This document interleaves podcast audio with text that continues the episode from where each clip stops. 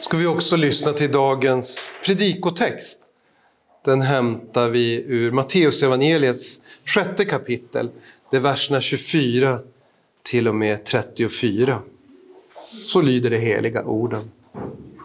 Jesus säger, ingen kan tjäna två herrar. Antingen kommer att hata den ene och älska den andra, eller hålla fast vid den ene och förakta den andra. Ni kan inte tjäna både Gud och mammon.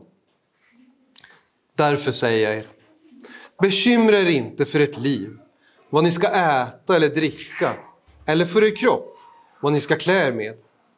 Är inte livet mer än maten och kroppen mer än kläderna? Se på himlens fåglar. De sår inte, de skördar inte och samlar inte i lador och ändå föder er i himmelske far dem. Är inte ni värda mycket mer än det? Vem av er kan med sitt bekymmer lägga en enda aln till sin livslängd? Och varför bekymrar ni er för kläder? Se på ängens liljor hur de växer. De arbetar inte, de spinner inte. Men jag säger er, inte ens kung Salomo i all sin prakt var klädd som en av dem. Om nu Gud ger sådana kläder åt gräset som idag står på ängen och imorgon kastas i ugnen, hur mycket mer ska han då inte klä er? Så lite tro ni har. Bekymra er därför inte och fråga inte vad ska vi äta eller vad ska vi dricka eller vad ska vi klä oss med? Allt detta söker hedningarna efter. Men er himmelske far vet att ni behöver allt detta. Nej, sök först Guds rike och hans rättfärdighet så ska ni få allt det andra också. Bekymra er alltså inte för morgondagen, för morgondagen bär sitt eget bekymmer. Var dag har nog av sin egen plåga. Amen. Herre, helga oss i sanningen. Ditt ord är sanning. Amen.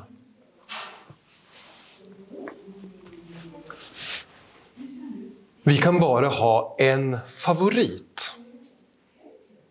Det är ett av Jesu budskap i vår text idag. Vi kan bara ha en favorit.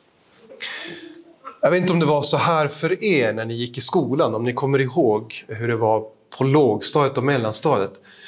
Då kunde någon ibland säga, ska vi vara bästisar? Ska vi vara bästisar? Då var det liksom en fråga om man på något sätt kunde gå med på att just den här kompisen är min allra bästa kompis. Jag prioriterar min bästis före andra vänner jag har. Om min bästis är i skolan, då är jag med min bästis. Sen kanske någon annan kan få med också. Men det är på något sätt en överenskommelse om att jag prioriterar dig. Och sen brukar man säga i skolans värld, man kan ha flera bästisar, för man vill inte att någon ska bli ensam.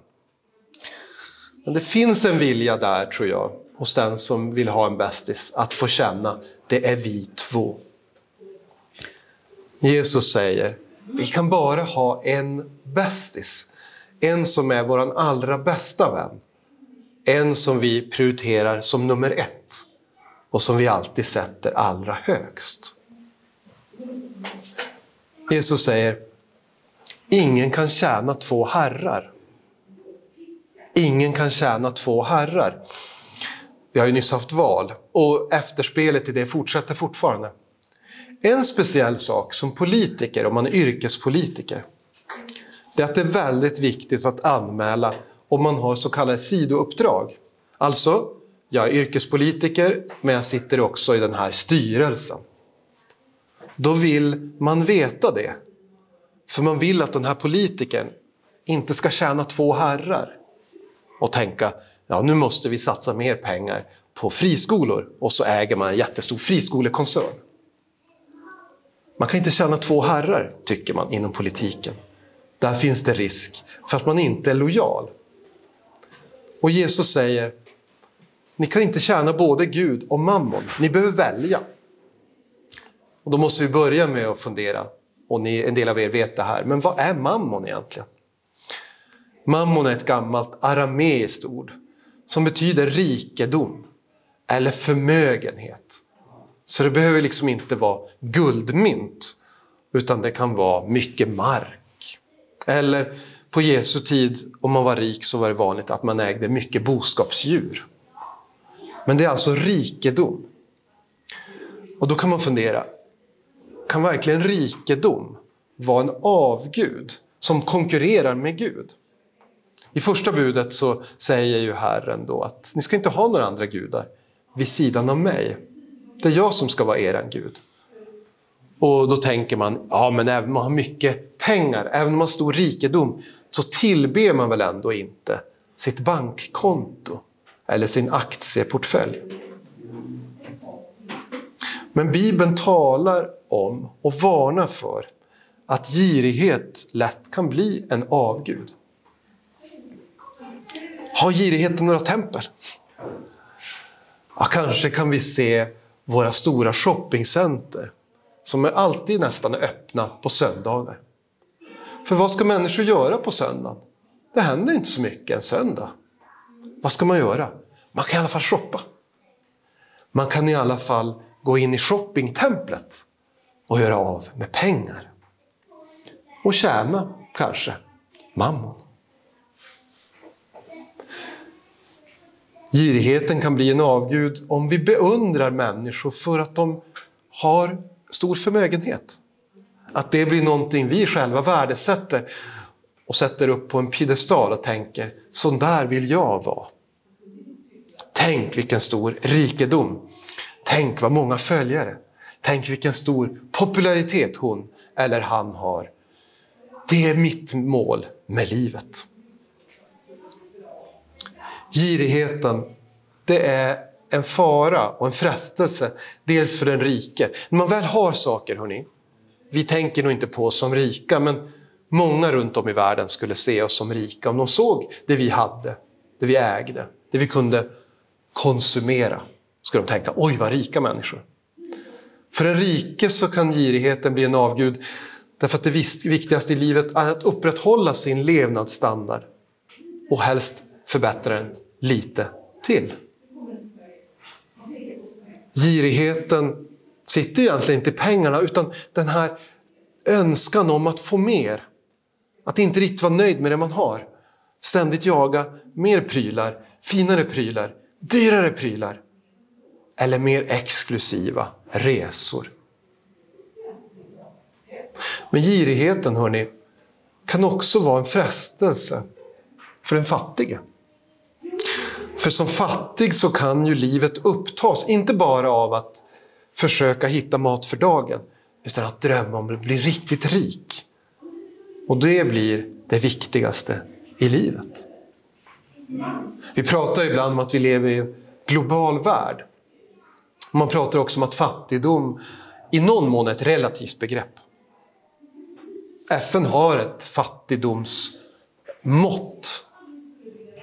Men även om man har mat för dagen så kan man känna sig väldigt fattig om alla andra runt omkring en har mer. Och tidigare män jämförde sig människor kanske med folk i ens egen by. Men nu jämför vi oss med människor runt om i hela världen. Så den människa i Ostasien eller Centralafrika som för 20-30 år sedan kanske inte hade känt sig fattig, känner sig nog fattig nu när de följer människor på sociala medier som lever i rikare delar av världen.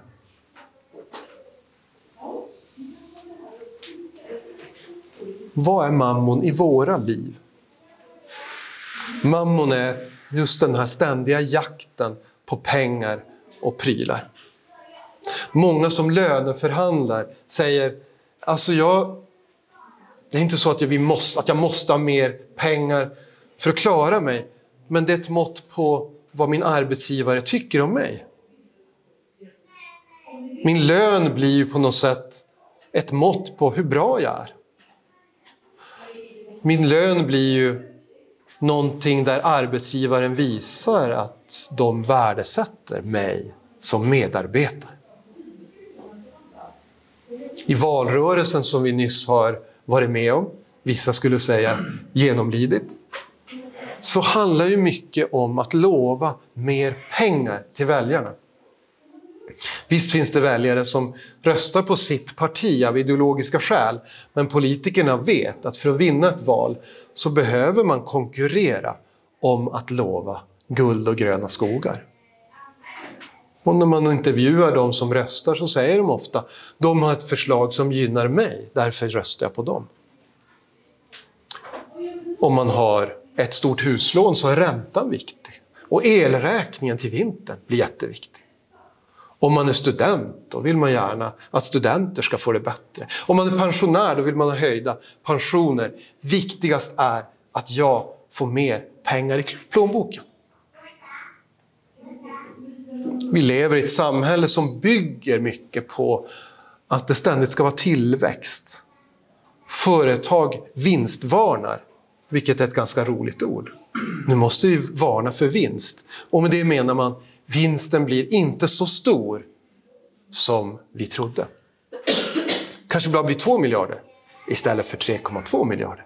Då måste vi varna för det och då går aktiekursen ner och människor förlorar pengar. Vårt samhälle bygger på ständig tillväxt. Men mammon i våra liv är också de val vi gör. Vad vi prioriterar, vad vi tycker är viktigt.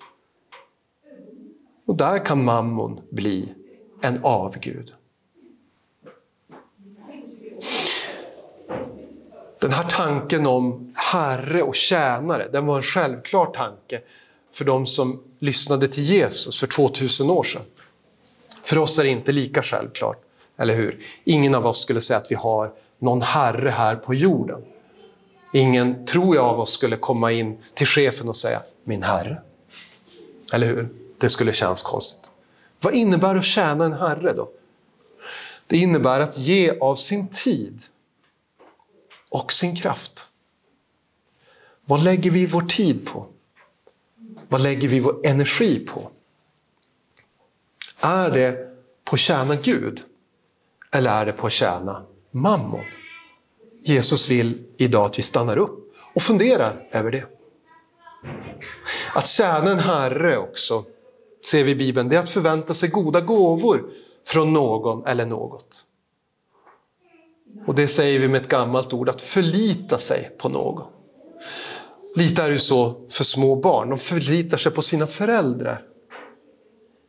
Om familjelivet fungerar, då tänker de sig att föräldrarna fixar så att det finns mat där hemma.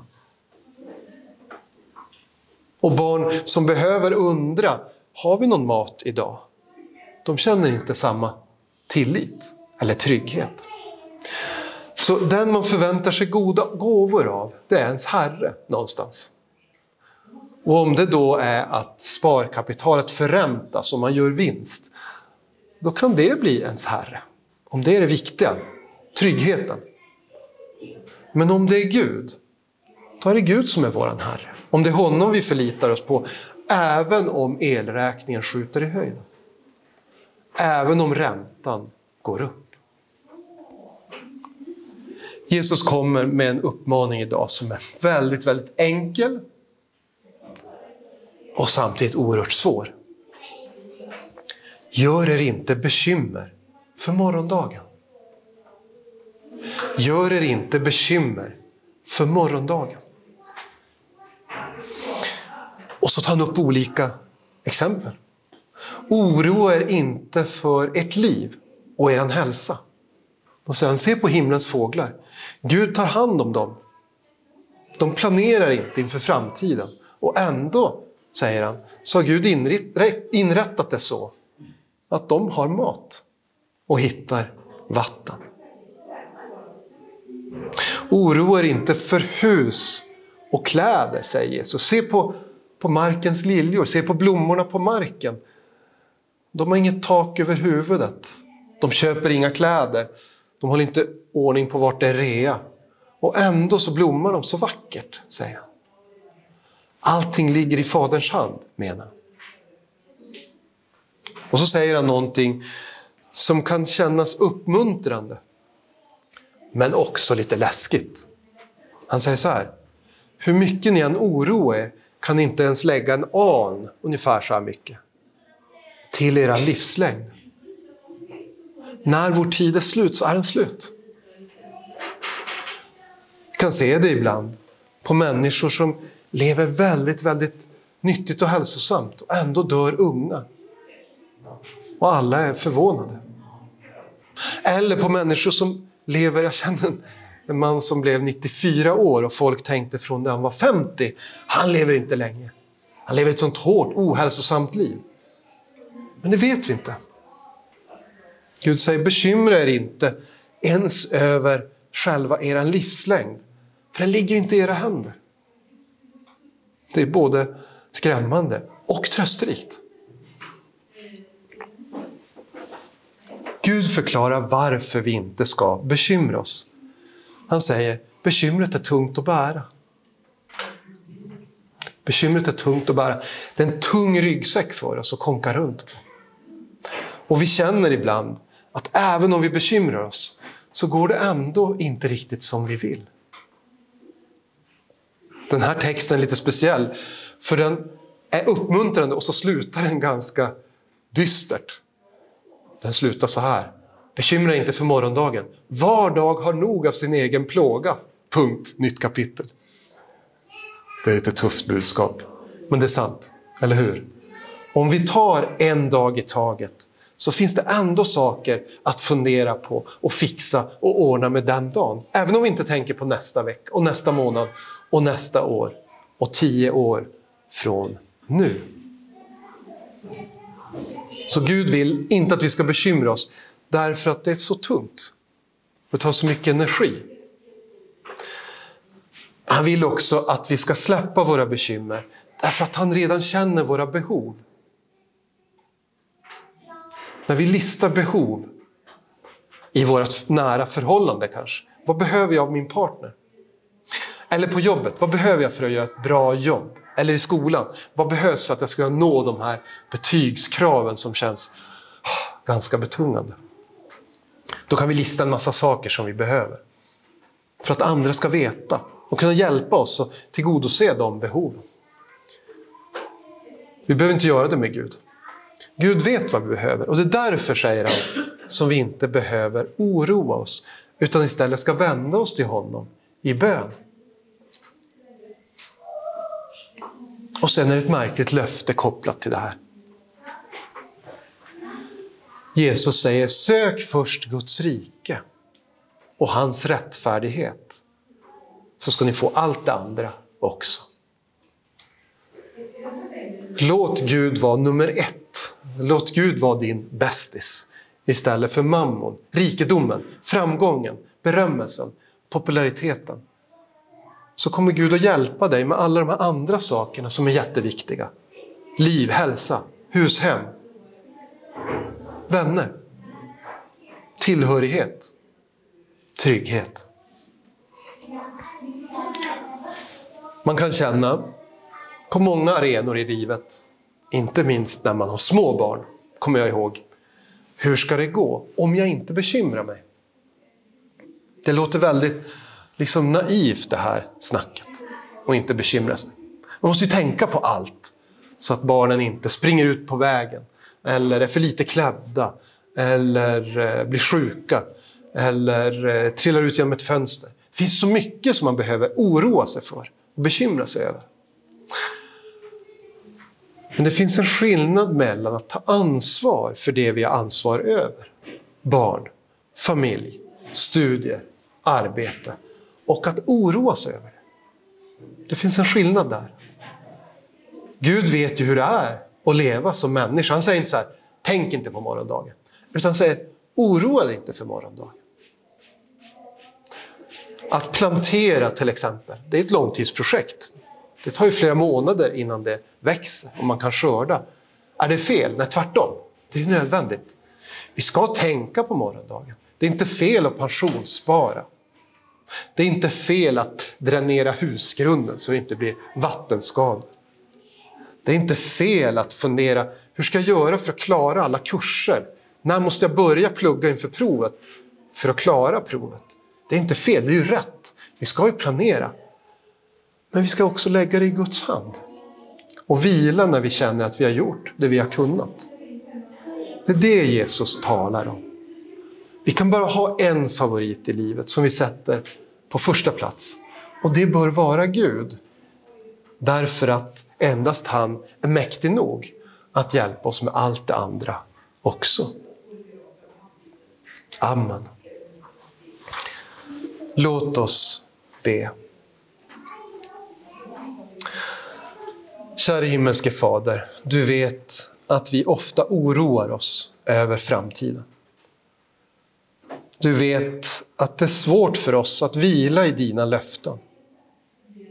Du vet att det är lätt för oss att säga, sätta vår tilltro till andra yttre saker.